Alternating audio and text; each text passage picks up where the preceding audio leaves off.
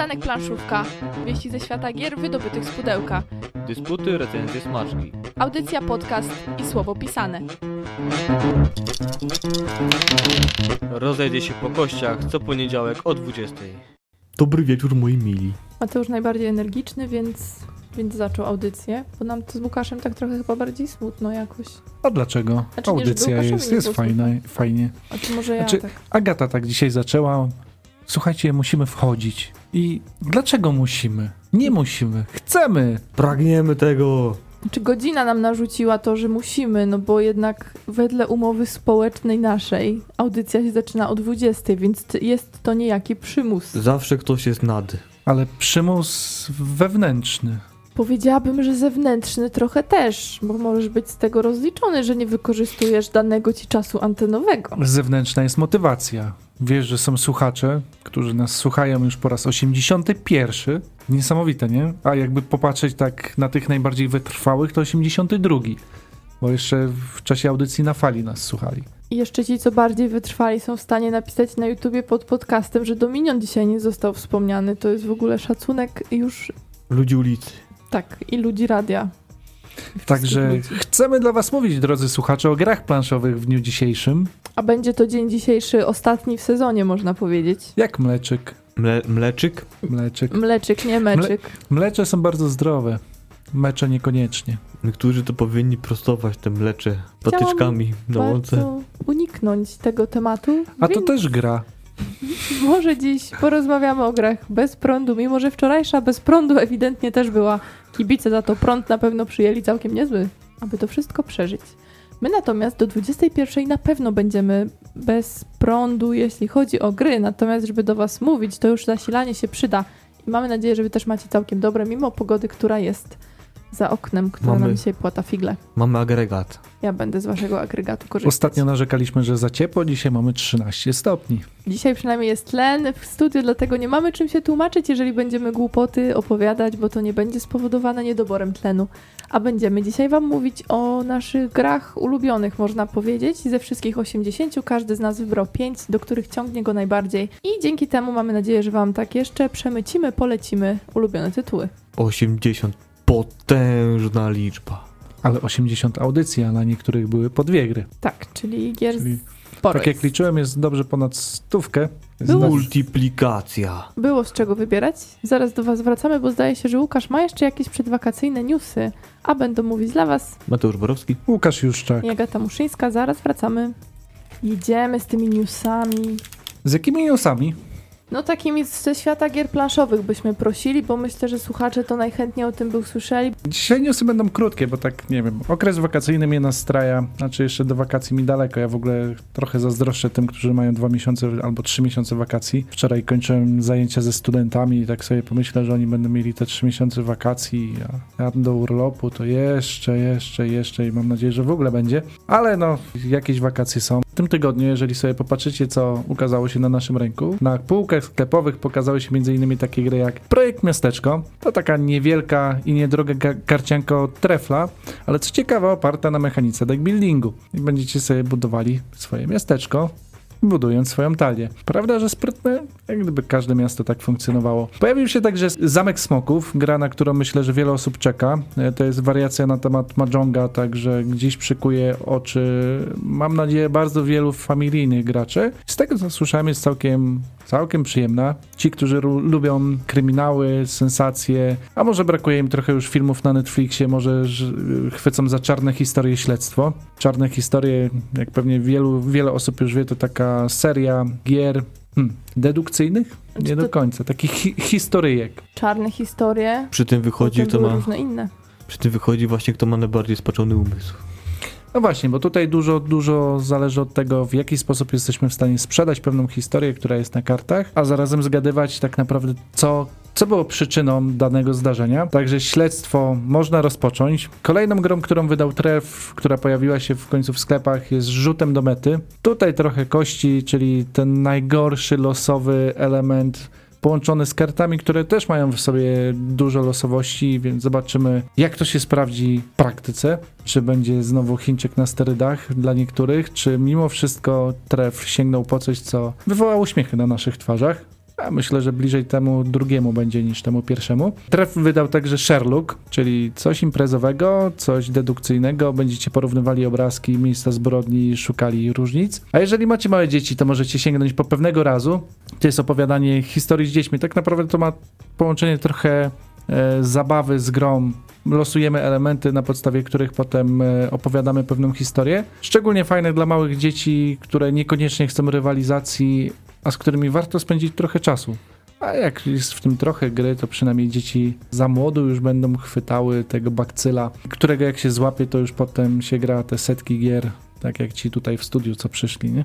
I po tych 81 razach audycji może chwycą za szybkich i ściganych od, od and Dice. To jest gra w trochę takiego czasu rzeczywistego, gdzie jedni są tymi, którzy uciekają, drudzy tymi, którzy gonią. Ale nawet jeżeli to was nie zainteresowało, to nadchodzą nowe premiery. Wsiądź do pociągu Nowy Jork. Ta ukaże się wcześniej niż zaplanowano, już na przełomie czerwca i lipca. Jedna z dziwniejszych edycji Ticket to Ride, czyli wsiądź do pociągu, ponieważ tam nie będzie budowy linii kolejowych, tylko będziemy budowali połączenia taksówek. O, myślałam, że linie metra na przykład. Nie, tutaj będą taksówki w Nowym Jorku. Podobno bardzo, bardzo szybka rozgrywka z tłumaczeniem kolegom z gradania zajęła bodajże 15 minut na dwie osoby. Także taki filerek.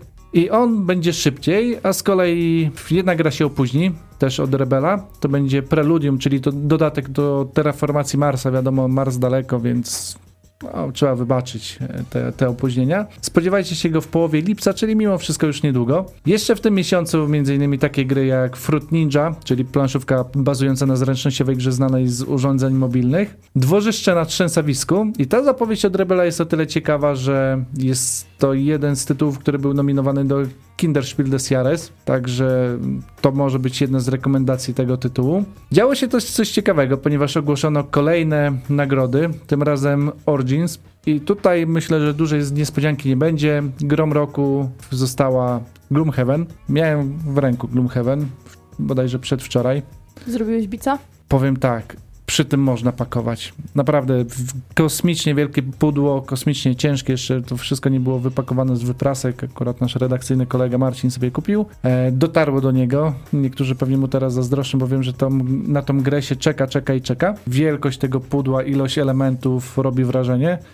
Ale jeszcze czeka go przebrnięcie przez instrukcję, a ta też ma tam chyba z 50 stron, także zobaczymy jak mu pójdzie. Najlepsza gra roku według Origins to jest Ex Libris. Ten tytuł będzie wydawany w tym roku przez e, Portal. Z kolei gra familijna to Azul, Także coś, co Lacerta już oddała w wasze ręce, ręce graczy. To te najważniejsze z tych nagród Origins, ponieważ Origins to nie tylko gry planszowe, to także gry miniaturowe, jakieś e, organizery i tym podobne, te akcesoria, więc możecie zerknąć sobie na stronie Origins Awards Winner, kto wygrał w poszczególnych kategoriach. Gratulujemy twórcom tych gier. Gloomhaven, Ex Libris, Azul, zgarnęły kolejne nagrody. No i czekamy teraz na Spiel des Jahres, które w wakacje, w połowie lipca e, będzie ogłaszane. Zawsze to jest taki dzień, na który wielu planszomaniaków wyczekuje i wielu wydawców, którzy wtedy zacierają ręce. Jeżeli chodzi o portale społecznościowe, tutaj trochę zwolniło, tak jakby przed wakacjami. Na Zagram w to Gremlins Inc. Ten projekt już e, zebrał 29 tysięcy z 25 wymaganych. Też jest Solar City. Tutaj gra Marcina Robki i Wioliki Kijowskiej też już zebrała wymaganą kwotę, także zagram w to, nie zwalnia tempa. Miejmy nadzieję, że nie prędko się pojawi tytuł, który się nie ufunduje. Na Wspieram to też mamy dwa projekty. Slawia, o której już wspominaliśmy ostatnio, ufundowała się, zostało 9 dni, więc można odblokowywać kolejne cele i czarowierze. Od jakiegoś czasu o nich informujemy, ale jakoś nie przypadły chyba słuchaczom do gustu, ponieważ gdzieś tam stanęły na 45% i ruszyć nie chcą. Natomiast mam jeszcze takiego newsa miało być bez prądu, ale ja się wyłamię i powiem o czymś z prądem, bo bodajże jutro w App Store i Google Play powinna się pojawić gra Istanbul. Istanbul to jeden z recenzowanych tytułów e, na naszej audycji, ale w tej planszowej wersji. Natomiast miałem przyjemność być beta testerem tego tytułu, przygotowywanego przez polskie studio, e, także jest też mm, miły polski akcent. I w Istambule czeka Was możliwość rozgrywki e, zarówno z, kom z komputerem, jak i z żywymi przeciwnikami w trybie asynchronicznym synchronicznym i w trybie online. Czeka Was naprawdę bardzo ładna oprawa graficzna i miła muzyka w tle. Interfejs przyznaję po tych testach póki co mnie nie zawiódł Wszystko fajnie, intuicyjnie śmiga. Przede wszystkim mamy bardzo dobrą grę na urządzenia mobilne. Ten tytuł naprawdę się bardzo przyjemnie sprawdza. Kilkanaście minut spokojnie wystarczy na rozgrywkę. Jak już jesteście bardziej wprawieni, gracie z komputerem albo z przeciwnikiem, który też już dobrze zna zasady, to nawet w kilka minut sobie skończycie, a frajda jest niesamowita. Oczywiście są zaimplementowane e, te podstawowe ustawienia mapy, to znaczy tych kafelków, tak jak w instrukcji, oraz możliwość wybierania losowych wariantów. Także na pewno szybko się nie znudzi. Nie wiem co z dodatkami, czy one będą, czy nie. Mam nadzieję, że twórcy się zdecydują. I jeszcze jedna wi- dobra wiadomość to to, że wśród języków, które obsługuje aplikacja jest m.in. język polski, także nie ma problemu, jeżeli ktoś się boi, że nie zna zasad albo boi się, że nie obsłuży e, samej aplikacji. Wszystko jest po polsku, w tym tutorial, także będziecie mogli e, korzystać. Jutro zobaczymy w jakiej cenie będzie, także warto wypatrywać. No i to chyba tyle newsów na dzisiaj. Jesteśmy na antenie, drodzy Państwo, panowie. To już? 80 audycji za nami. W związku z tym chcieliśmy przyjrzeć się grom, które tam były brane przez nas na tapetę, omawiane również z Wami. No i każdy z nas wybrał sobie pięć ulubionych. I takich, które warto jednak polecić, bo chociaż no, ulubione, a te, które warto polecić, to pewnie też by się trochę nam porozjeżdżało. Dlatego dzisiaj o tym powiemy. Nie będzie to każdego z nas takie ścisłe top 5, no bo na przykład ja mam jedną grę, która na pewno by się w moim top 5 znalazła, ale jeszcze nie była omawiana na audycji, więc poczeka ona sobie na lepsze czasy. Ale za to mamy inne ciekawe Dominion tytuły. Intryga? Haha, nie. I to jeszcze nie wydane, To nie? był falstart, Łukasz, na pewno masz w tej piątce Dominiona i co, już zacząłeś teraz od razu? to dobra, no to kto o piąteczce swojej? Bo zaczniemy sobie od, od piątych numerów, tak od, żeby zakończyć z tego Mhm. wysokiego. W ogóle jaką mieliście metodologię, jak tam szukaliście? Ciężko było? Najpierw spojrzenie na półkę u mnie, bo stwierdziłam, że prawdopodobnie większość będę miała jednak na półce. Strzelam, że jednego tytułu nie masz. Strzela, dobrze strzelasz. I to dość ważnego tytułu, no nie mam. Myślę, że to będzie już wystarczająca aluzja, że no coś trzeba z tym zrobić. I to był tak, taki największy motyw. Ja z kolei wybrałem pięć, a potem usegregowałem je w porządku. To tylko ja miałem taki problem z wybraniem, bo ja wybrałem najpierw 17. Z tych 17 potem wykreślałem, także zostało pewnie z 10. Potem znowu wykreślałem i się zastanawiałem. Tak, Dominion i dodatki. Nie wiem, to dobrze może te uczucia rozkładasz jakoś tak pomiędzy wie, wiele gier, a nie tylko, że takie tam 10 czy 5. Ja w zasadzie się tylko przy jednej wahałam, czy dwóch, ale też miałam plus, bo wiedziałam mniej więcej, co wybierze Mateusz, więc żeby trochę urozmaicić tą audycję, to stwierdziłam, że ja tak naprawdę jednej gry nie muszę wymieniać, bo, bo wiem, że się znajdzie. A to też tak miałem, że pewne tytuły wykreśliłem, bo myślę, że się znajdą na waszych Otóż listach. to. No właśnie, więc już tak trochę się znamy. Jesteśmy też, drodzy słuchacze, ciekawi, jakie wy macie topki na ten moment. To nie muszą być oczywiście te, które były u nas na audycji, no bo umówmy się, nie każdy z was prawdopodobnie, prawdopodobnie nikt tych 80 audycji nie przysłuchał, chociaż oczywiście nie chcę nikogo obrażać, jak tak, to bardzo dziękujemy. Natomiast jak macie jakieś swoje typy i macie takie określone top 5 gier, które w tej chwili po prostu zawładnęły waszymi mózgami i sercami, to piszcie, my będziemy o tym mówić, a tymczasem wracamy do swoich i ja jako tytuł numer 5 wymienię Najeźdźców z północy od Games Factory. Tytuł, który no gdzieś tam głęboko w moim serduszku jest, Worker Placement, które bardzo lubię, wydanie Worker Placement, które bardzo lubię. Mm, Tam jest ciekawy ten motyw nie tylko wysyłania swojego robotnika, żołnierza na planszę, ale także ściąganie drugiego, jakiegoś innego, który też nam pozwala jakąś akcję wykonać albo się przygotowujemy do walki, albo już zbieramy profity, czy idziemy y, walczyć o to, co chcemy. I, I to też jest moim zdaniem jak najbardziej w porządku. Takie dosyć pobudzające korę mózgową, jeśli mogę tak powiedzieć. No i przy tym ta szata graficzna. Tak piękna gra, że aż trochę się dziwię, że ona jest tak zasłonięta u mnie na półce akurat jakimiś innymi tytułami. Trzeba to koniecznie zmienić, bo to pudełko jest bardzo zgrabne i jeszcze taka cecha charakterystyczna, że ona wokół to pudełko nie ma tych różnych nadruków, ile graczy, ile czas tej, trwania tej gry i tak dalej, dzięki czemu jest takie bardzo ładne i spójne. To ja może teraz moją piątkę. Niespodziewanie, spodziewanie, Concordia. Dlaczego? Dlaczego nie? Wydawnictwa Egmont z kolei. Możecie o, po niej, o, o niej posłuchać na 31 audycji. A dlaczego Concordia? Za przeróżne plansze. No to akurat no, jest następstwo, ponieważ oprócz oryginału miałem okazję z wami, au- audycjonersami, Zagrać też podróbę. zagrać też na, na innej mapie niż oryginalne. Podobało mi się w Concordii różne drogi do zwycięstwa. Właśnie to nie było też jawne, kto do czego dąży. Aż ukryty cel. Bo możemy się rozplenić powiedzmy po całej planszy i potem gromadzić karty. Oraz za ten fajny format Concordii, który właśnie Łukasz też narzeka, czyli na ten rysunek, tak, który nie jest zbyt może jest urodziwy, ale mi podoba się ten format tej gry. Duża bombonierka, niezgrabna, nie mieszcząca się na półkę. To jest coś, co wyróżnia tę grę. Co oznacza, że ona po prostu nie może być pakowana i stawiana na półkę, tylko musi być cały czas rozłożona na stole, dzięki czemu częściej w nią gracie. Przyznam, że dość dy- dyplomatycznie powiedziałeś o tej ilustracji na polskim wydaniu. Dyplomacji tutaj się uczy redaktor przez te 80 audycji, teraz zostały plony zebrane. Numer 5 zaliczony. Łukasz, może ty się podzielisz, co tam wylądowało z tych wszystkich 17 gier, o którymi się A zastanawiałeś to na was chyba zaskoczę. Że tak bo tak nisko, Wybierałem, wybierałem i sięgnąłem po tytuł na piątym miejscu, który w ogóle jest dość stary, z 2009 roku, który ma na sobie obrazki, to znaczy ilustracje e, Michaela Mencla. No i co to może być? Oparty na prozie Kena Folletta, czyli Świat bez co? końca. Otóż to.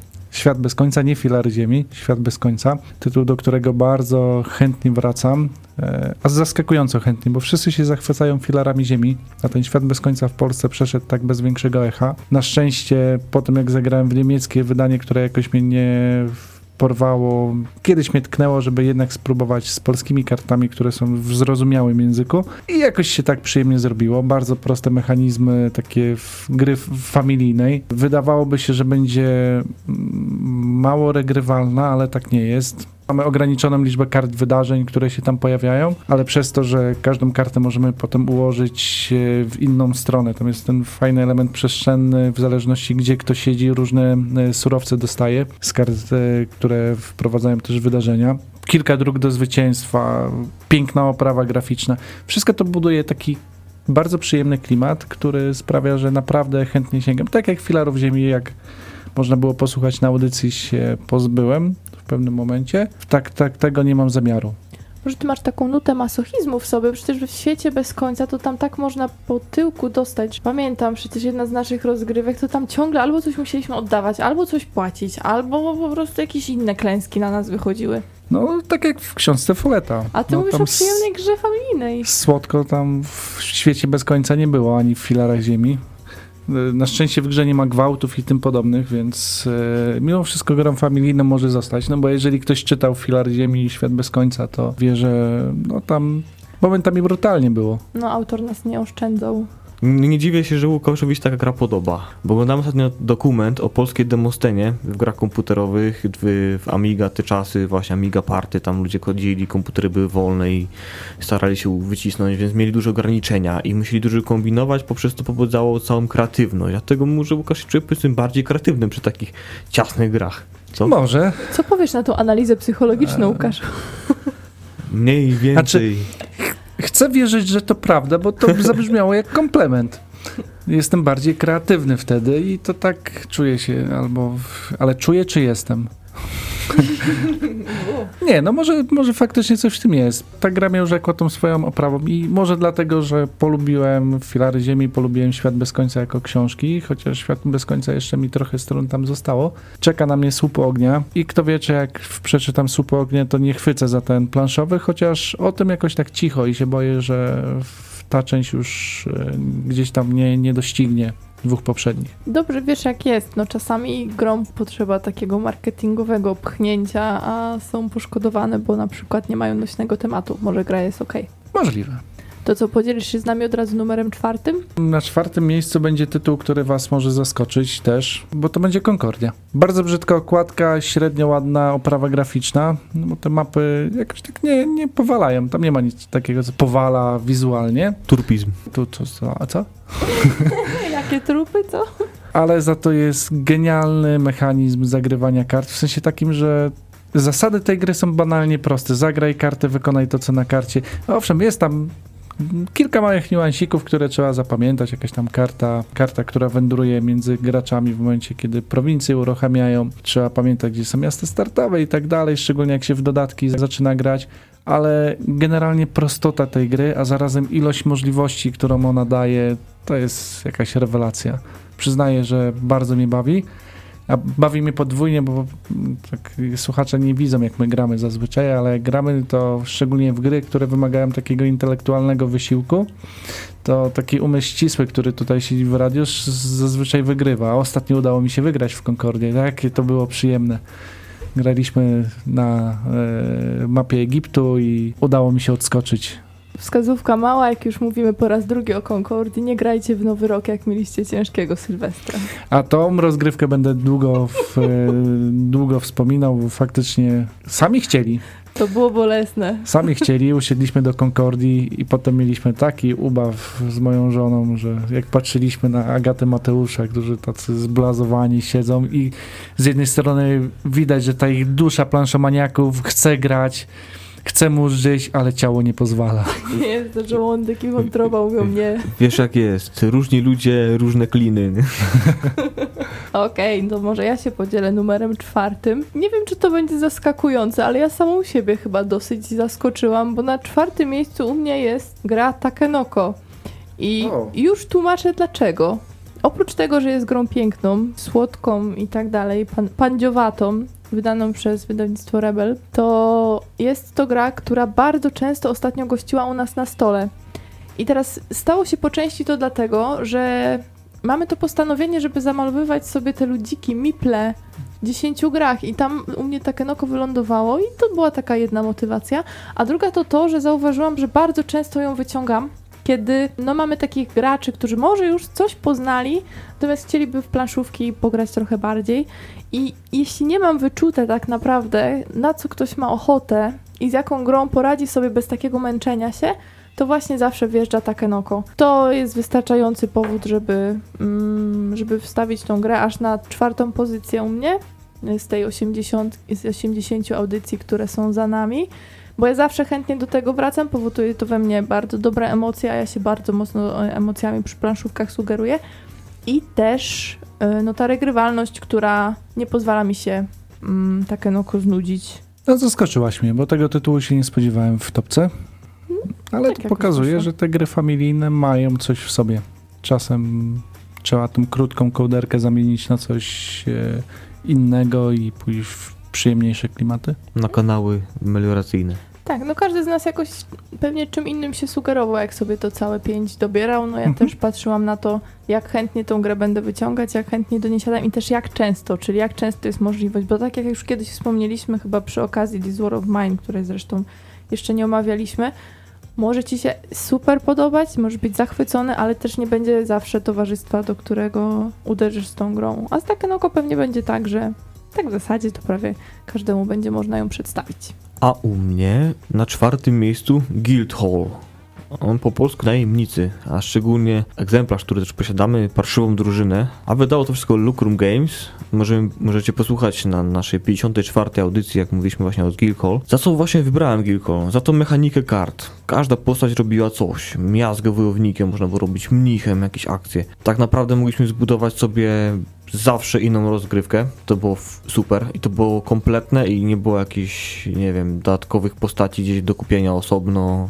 Potem kolekcjonowanie jakichś mini dodatków lub jak jest gra kompletna, to właśnie Guildhall zapewnia w 100%. I to właśnie tą możliwość łączenia tych gier, tych trzech osobnych tytułów, są, są samodzielne kompletnie, można je pomiksować. Tutaj jeszcze więcej możliwości. Duże propsy za to, że dało się to jakoś zbalansować i przez to mamy no, różne drogi do zwycięstwa, a nie jest to jakby, nie ma jednej, jednej słusznej tak drogi, że wrzucimy konkretną postać, ona miarzy wszystkie, reszta się w ogóle nie liczy. Więc to jest fajny balans w Guildhall, jeśli powiedzmy znudzi nam się jeden, jedna pudełeczko po prostu nam się przeje, możemy dorzucić drugie, trzecie, albo też była gra sprzedawana w trzech egzemplarzach w fajnej cenie, od razu trzy pudła, a jak na hardo w całą gildię można było zakupić, rozłożyć i się nie nudzić na długi, długi czas. Oraz nieskomplikowane, niezbyt zasady nieskomplikowane w sumie. Dość podobne, niektóre karty mają mechanikę, ale ona wiadomo ma jakiś smaczek, różnią się. Da radę to szybko łyknąć, chociaż jako taka pierwsza mm, gra na mucenie się, tak, taka tr- turniejowa, no to może być trochę trudniejsza, ale myślę, że jak ktoś już umie tę grę, to szybko wyjaśni pozostałym graczom, można wtedy sobie nie raz, nie dwa zasiadać do tej gry. Te symbole na początku mogą być faktycznie kłopotliwe, zanim kumamy, co jest naszą gildią, co jest naszą ręką. Co, no ręką akurat nie, no ale różne postacie działania mają odmienne. Ja mm, najemników tak miło dosyć wspominam, bo kilka pierwszych rozgrywek po prostu bezbłędnie wygrywałam, co, co było naprawdę dosyć fajne. Potem chyba Mateusz to przełamał i potem jak już mnie zaczął ogrywać w takich pojedynkach, to o, no nadal jest to jedna z moich ulubionych gier, ale dzięki temu, że już nie wygrywam, to się nie zalicza do top 5. to teraz trzy, tak? To co, ja mam To zacząć? wtedy ja, tak? Tak? Chyba. No to dawaj. To dawaj numer 3. No Dobrze, to ja zacznę od dum, dum, dum. To już podium taki brąz. A to już podium. To Star Realms wydawnictwa Games Factory. Znowu mućka. Znowu, znowu Mućka, Mućka jest. 55. audycja, możecie posłuchać o Star Realms, graliśmy, a dochodzi kolejna paczka, jak Łukasz też wspominał o Star Realms, że chyba powinienem kupić kolejny pakiecik, żeby więcej Star Realmsa było w Star. Ale zamówiłeś, czy nie? No jeszcze nie, no już nie, mechanika muszę dać samochodu. A propos Star Realms, za szybkie rozgrywki, proste zasady. To jest all-in-one pakiet do naparzania. Wszystko tam jest kompletne. Chciałbym mieć na półce taką solidną turniejówkę, bez pierdeliarda dodatków i wybu- wybujanego uniwersum, który bazuje na czymś i za chwilę do, do, do jakiś kolejny wymyślą, potem się skończy fabuła danego uniwersum, zaczną wymyślać na siłę jakieś konkretne, jak w Gwiezdnych Wojnach na przykład. Uuu, W czym? No tam, tam. No, nie znam, zasnęłam. Tak, dlatego s- starałem myślę, że z taką kompletną gierką, gierką do naparzania szybko można wyjaśnić reguły. Taka gra typu easy to learn, hard to master. Szybko się ścierają karty w tej grze, więc warto zakoszulkować. Przy piwku można zagrać, albo przy jednym soczku też można zagrać. Ile gra? Trwa 15-20 minut i po bólu. Czy ja tylko potwierdzę, że Star Realms bardzo mocny tytuł. Fakt faktem, ja w niego bardzo dużo grałem cyfrowo. Ostatnio zacząłem grać e, więcej mm, tak analogowo, bo, ponieważ kupiłem go pewnemu 11-latkowi, 10-11-latkowi, w każdym razie młodemu Kubie, któremu, e, który bardzo szybko chwycił bakcyla. I faktycznie jak za każdym razem przyjeżdża do nas w, w odwiedziny, to przywozi ze sobą pudełko i wujek zagramy. Jest dobrze. To, to jest taka, taka reakcja, której, się, której oczekiwałem i miałem nadzieję, że faktycznie na tą wyobraźnię chłopaka podziała, bo nawet jeżeli to uniwersum jest gdzieś tam mało ważne, to mimo wszystko to są statki, kosmos i naparzanka. To zawsze na młode umysły działa. Ale przyznaję, że fajne jest to, że to nie jest jakoś obudowane fabularnie, tylko rach, ciach, bijemy się, raz się uda, raz nie. Jedna z lepszych gier na dwie osoby, moim zdaniem. I deck building, no co tu dużo mówić. Oczywiście. Co u mnie na trzecim?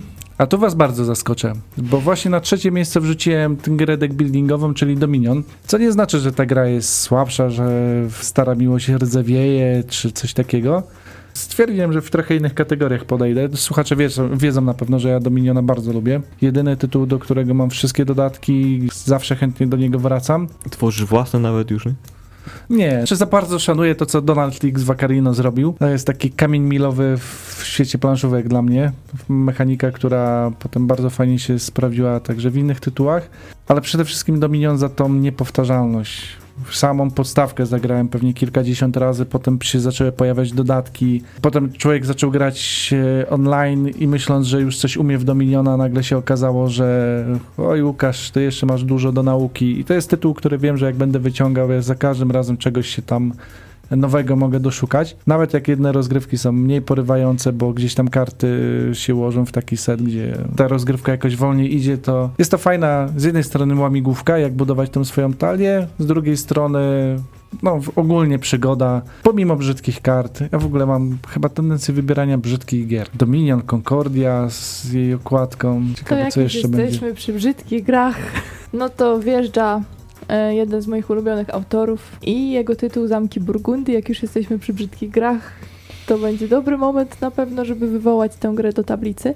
Tak jak spojrzałam na te pięć tytułów, które dzisiaj wybrałam, to czy Zamki Burgundii na trzecim sprawiedliwie? Do końca tego nie wiem, ale na pewno nie jeśli chodzi o design, powiedzmy sobie szczerze. Ale mimo wszystko to chyba się należy ten brąz za to, że ta gra jak prawie żadna inna zmusza mnie do kombinowania.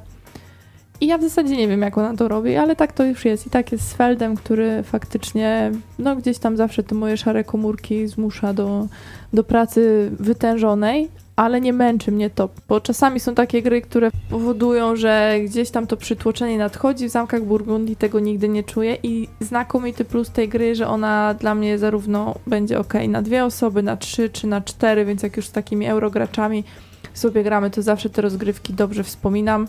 Pamiętam też jedną, kiedy chyba graliśmy z Mateuszem na dwie osoby i po prostu jednym punktem udało mi się wygrać. To jest tak ogromna satysfakcja, że coś udało się e, przemycić, coś dobrego zrobić. Nie mówiąc już o regrywalności, która też jest naprawdę olbrzymia i to zarządzanie kośćmi, no dla mnie super. Same plusy w zasadzie, oprócz możliwego tam downtime'u, jeśli gramy w cztery osoby i ktoś sobie bardzo długo nad czymś kmini. Tak samo tereny, które w zamkach Burgundii są, są różne. Nie musimy zawsze grać i rozpoczynać na tej samej planszy. Że każdy dąży do wypełniania tych samych obszarów, więc to daje nam też duże pole, du dużą różnorodność. Nie znudzimy się tą grą szybko. Do tego jeszcze ta różnorodność budynków, co mamy dostępne. Każdy daje nam jakieś profity. Dla tych, którzy matematykę lubią, na Games Fanaticu teraz fajny cykl się pojawił. Matematyka w e, zamkach Burgundii. Już chyba cztery odcinki są analizy matematycznej poszczególnych plansz i w ogóle co z czego, jak i gdzie. Boję się to czytać, bo pewnie nie zrozumiem połowy, ale po kolei staram się przechodzić. To nie czytaj, bo jak zrozumiesz niechcący, to potem my będziemy przegrywać cały czas Spokojnie. i przestaniemy w to grać. E, biorąc pod uwagę mój skill matematyczny, to Ja miałam trochę też kłopot, bo no jednak Felda lubię bardzo i egzekwo mogłabym postawić też wyrocznie delficką czy badaczy głębin na tym trzecim miejscu, bo to też są gry, które bardzo lubię, ale jednak tak wychodzi, że te zamki Burgundii lądują na stole częściej. Jak miałabym komuś pokazać jakąś y, no, trudniejszą eurogrę, no bo to nie, nie, należy mimo wszystko do prostszych. Cokolwiek gicy planszówkowi będą próbowali mi powiedzieć, to nie są najprostsze gry. No to jednak zamki Burgundii z tego wszystkiego myślę, że pojąć jest najłatwiej, bo jednak bada badaczy głębin jak się rozkłada, to to jest taki hardcore na początku, że, że trudno to pojąć, a wyrocznia delficka może być trochę kłopotliwa, choć ma najwięcej klimatu chyba z tego wszystkiego. Te kolory tam, te różne też kości, może być, może być większy problem niż przy zamkach Burgundii moim zdaniem. I jakbym miała jakąś grę Felda polecać, to myślę, że właśnie tę, która ostatnio zaliczyła taki powiedzmy, że mały renesans. I jak już jestem tutaj przy głosie, przy mikrofonie, to już za, zaliczymy teraz srebro. No tutaj będzie chyba bardzo przewidywalnie, bo ja nigdy nie ukrywałam mojego olbrzymiego szacunku do tej gry, a wręcz jakichś dzikich emocji na początku, bo chyba nie pamiętam, czy była gra, w której się mocniej jakoś tak gwałtownie zakochałam i jest to Roll for the Galaxy. Pamiętasz to? Wiadro kości? Wiadro Kości na festiwalu gramy, gdzie graliśmy zdaje się z Amadeuszem z Games Factory, który nam cierpliwie tłumaczył tą grę w niedzielę rano, gdzie my po sobocie wieczór, no to też tak średnio, bo to emocje festiwalowe, nie wyspanie. Nie impreza tym, tym razem i nie Sylwester akurat, bo wyjdzie, wyjdziemy na jakichś imprezowiczów strasznych. Jak pojęłam w końcu jak to chodzi, już wiem, że wyjeżdżamy za 5 minut i myślę tylko, ile mam w portfelu i tylko patrzę, czy możemy wydać te pieniądze, czy nie. I potem ta chwila, kiedy no dodatek jeszcze mam też damy za tą i za tą cenę i dobra, mam to. Dwie godziny powrotne z Gdańska gadaliśmy o Roll for the Galaxy. To jest wystarczające, żeby posadzić tą grę na drugim miejscu dla mnie. I to z dodatkiem.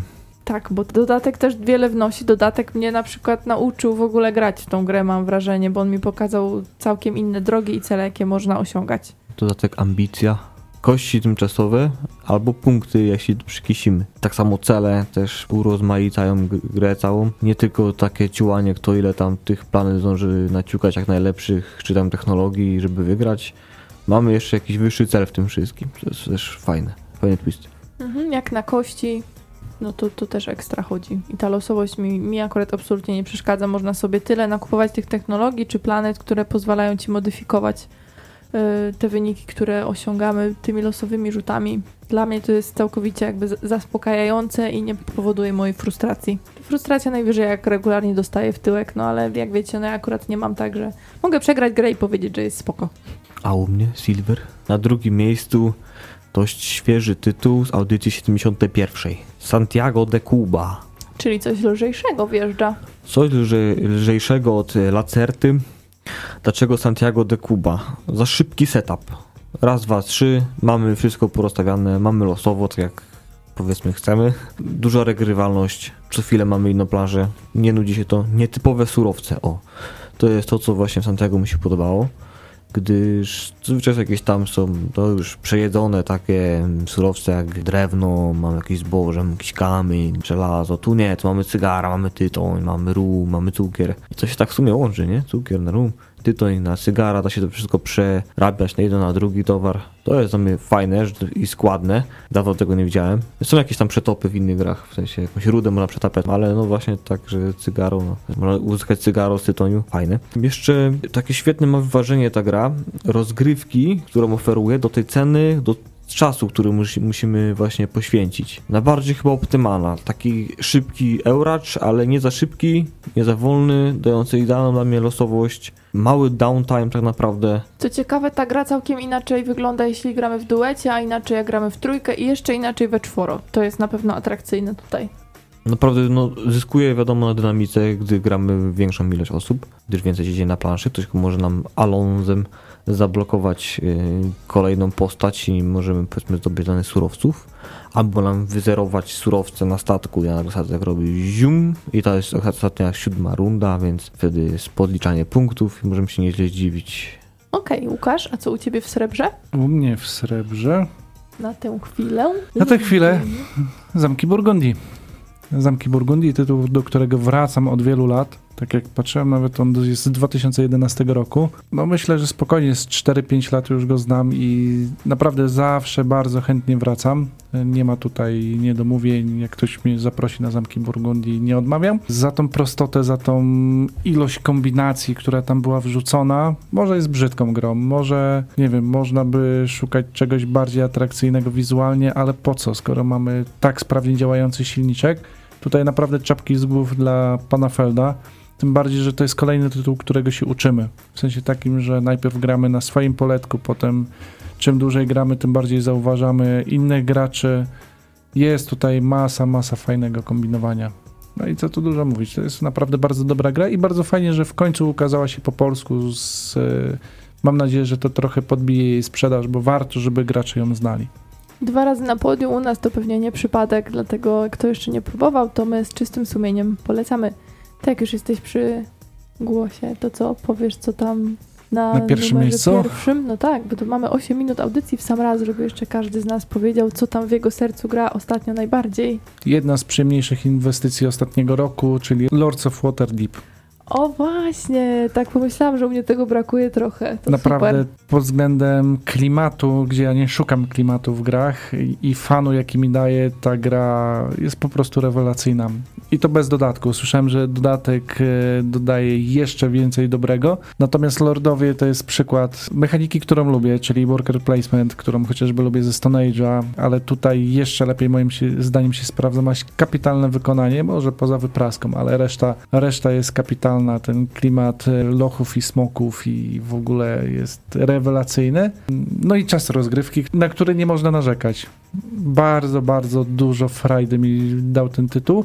I co zaskakujące, tak jak jestem graczem też mobilnym, w sensie cyfrowych planszówek, tak aplikacja jest dobra, jest naprawdę tutaj nie można jej zarzucić, ale bardzo rzadko gram w wersję cyfrową. Przy stole zawsze chętnie. Szanuję też bardzo, mandatory quest też jak najbardziej. Tak. Trzaskanie questów to jest główny chyba aspekt tej gry, a czasami dostaniesz taki quest, który musisz spełnić, Musisz, bo przegrasz inaczej. który strasznie ci krzyżuje twoje plany. Więc nutka negatywnej interakcji też jest dla tych, co lubią. Mateusz, jak tam złoto? A u mnie to chyba się nie dziwicie za bardzo, co u mnie może być na top one. Jako, że twoja ulubiona gra jeszcze nie była recenzowana na audycji, no to Pewnie coś o inicjałach RS. tak mi się też wydaje. Otóż to Rising Sun, Yeah. wschodzące słońce, wydawnictwo Portal Games. Na 75. audycji o tym mówiliśmy, co nieco. Dlaczego Rising Sun? Oj, mm, za element negocjacji na pewno. Fajny jest, nie jest taki na siłę, nie jest tak, że musimy ze sobą gadać. Kto nie lubi, to jakoś da radę, może tak. Wiadomo, tak. idzie to przez to przebrnąć. To była właśnie pierwsza chyba taka gra, która przemogła we mnie ten element negocjacji, że stał się po prostu fajny. Został też nazwany bardzo sprytnie jako parzenie herbaty. Udało mi się to. I to jest takie inne też podejście do gier euro. Jakby nie patrzeć, to jest euro suchar. No, tylko mniej suchar. Mamy dudes on boards, mamy ziomeczków rozsianych, takich ogromnych i widać ten klimat. Chłopaki chyba przykopali dużo artykułów historycznych o feudalnej Japonii. Jak popatrzeć na te rysunki w instrukcjach, czy na same właśnie te figurki, precyzje, które zostały zrobione, no ro, ro, ogromne wrażenie to robi. Ma też przyjemną losowość ta gra. Możemy na nią, na nią też zapanować. Nie jest to nie wiadomo jaki chaos. Jesteśmy w stanie panować nad bitwami, którymi będziemy prowadzić, planować. Na tą grę wojenną mamy bardziej właśnie o stronę takie dyplomatycznej niż tej artylerii całej. Jesteśmy tym siogunem całym, mamy wojsko, ale obstawiamy kasą naprawdę co zyskamy w danej potyczce. Niekoniecznie ma, jak mamy dużą siłę militarną możemy wygrać.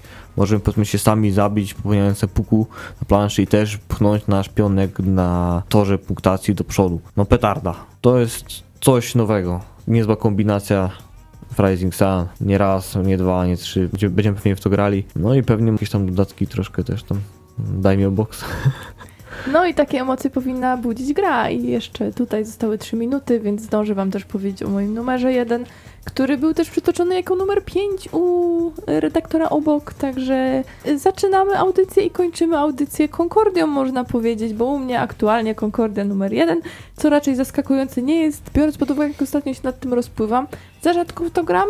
Pewnie dlatego, że nie mamy tego na półce, ale to dobrze, bo jak już wspomnieliśmy ostatnio, chodzimy grać do Łukasza, co wspomaga relacje międzyludzkie. Nie mam słów na to, szczerze mówiąc. Po prostu to jest tak pozytywne, jak ja w to gram. Tak, tak mi to wszystko pasuje. Te karty, o których już wspominał Łukasz, e, to kopiowanie.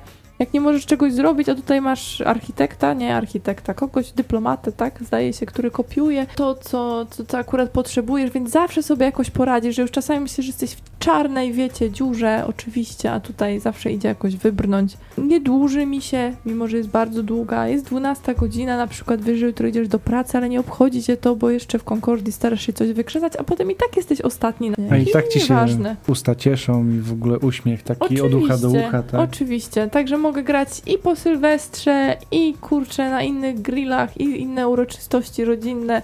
Zawsze Concordia ktoś rozłoży, nie ma problemu. Podejrzewam, że takie dwie czy trzy godziny z życia na Concordia to zawsze można mi wyjąć w razie czego. I tak jest na, ten- na ten moment. Oczywiście mam jeszcze takie dwie czy trzy gry, które no nie są w top 5 ścisłym i może całe szczęście, bo, bo to by się stop zrobiło powiedzmy na przykład 8. No ale jakbyśmy robili po następnym sezonie y, taką kolejną topkę, to tutaj prawdopodobnie u mnie może się coś zmienić, bo oczekuję, że kolejne dwie gry, takie moje ulubione się pojawią. Przepraszam, że nie dam już wam dużo powiedzieć, ale niestety mamy minutę, żeby się pożegnać, bo tak nam się rozwlokło to nasze gadanie, więc coś może do słuchaczy na wakacje? Grajcie jak najwięcej. Zapraszajcie znajomych, odkurzajcie gry, nie, dajcie im w ogóle zarosnąć pyłkami, które teraz pylą te brzozy. Grajcie. Bawcie się, bawcie. Wyluzujcie, w sensie takim, że niekoniecznie pędźcie za wszystkim, wyciągnijcie gry, w które dawno nie graliście. I tym się żegnamy. Mówili dzisiaj dla was Mateusz Borowski. Łukasz Juszczak. Agata Muszyńska. Do usłyszenia.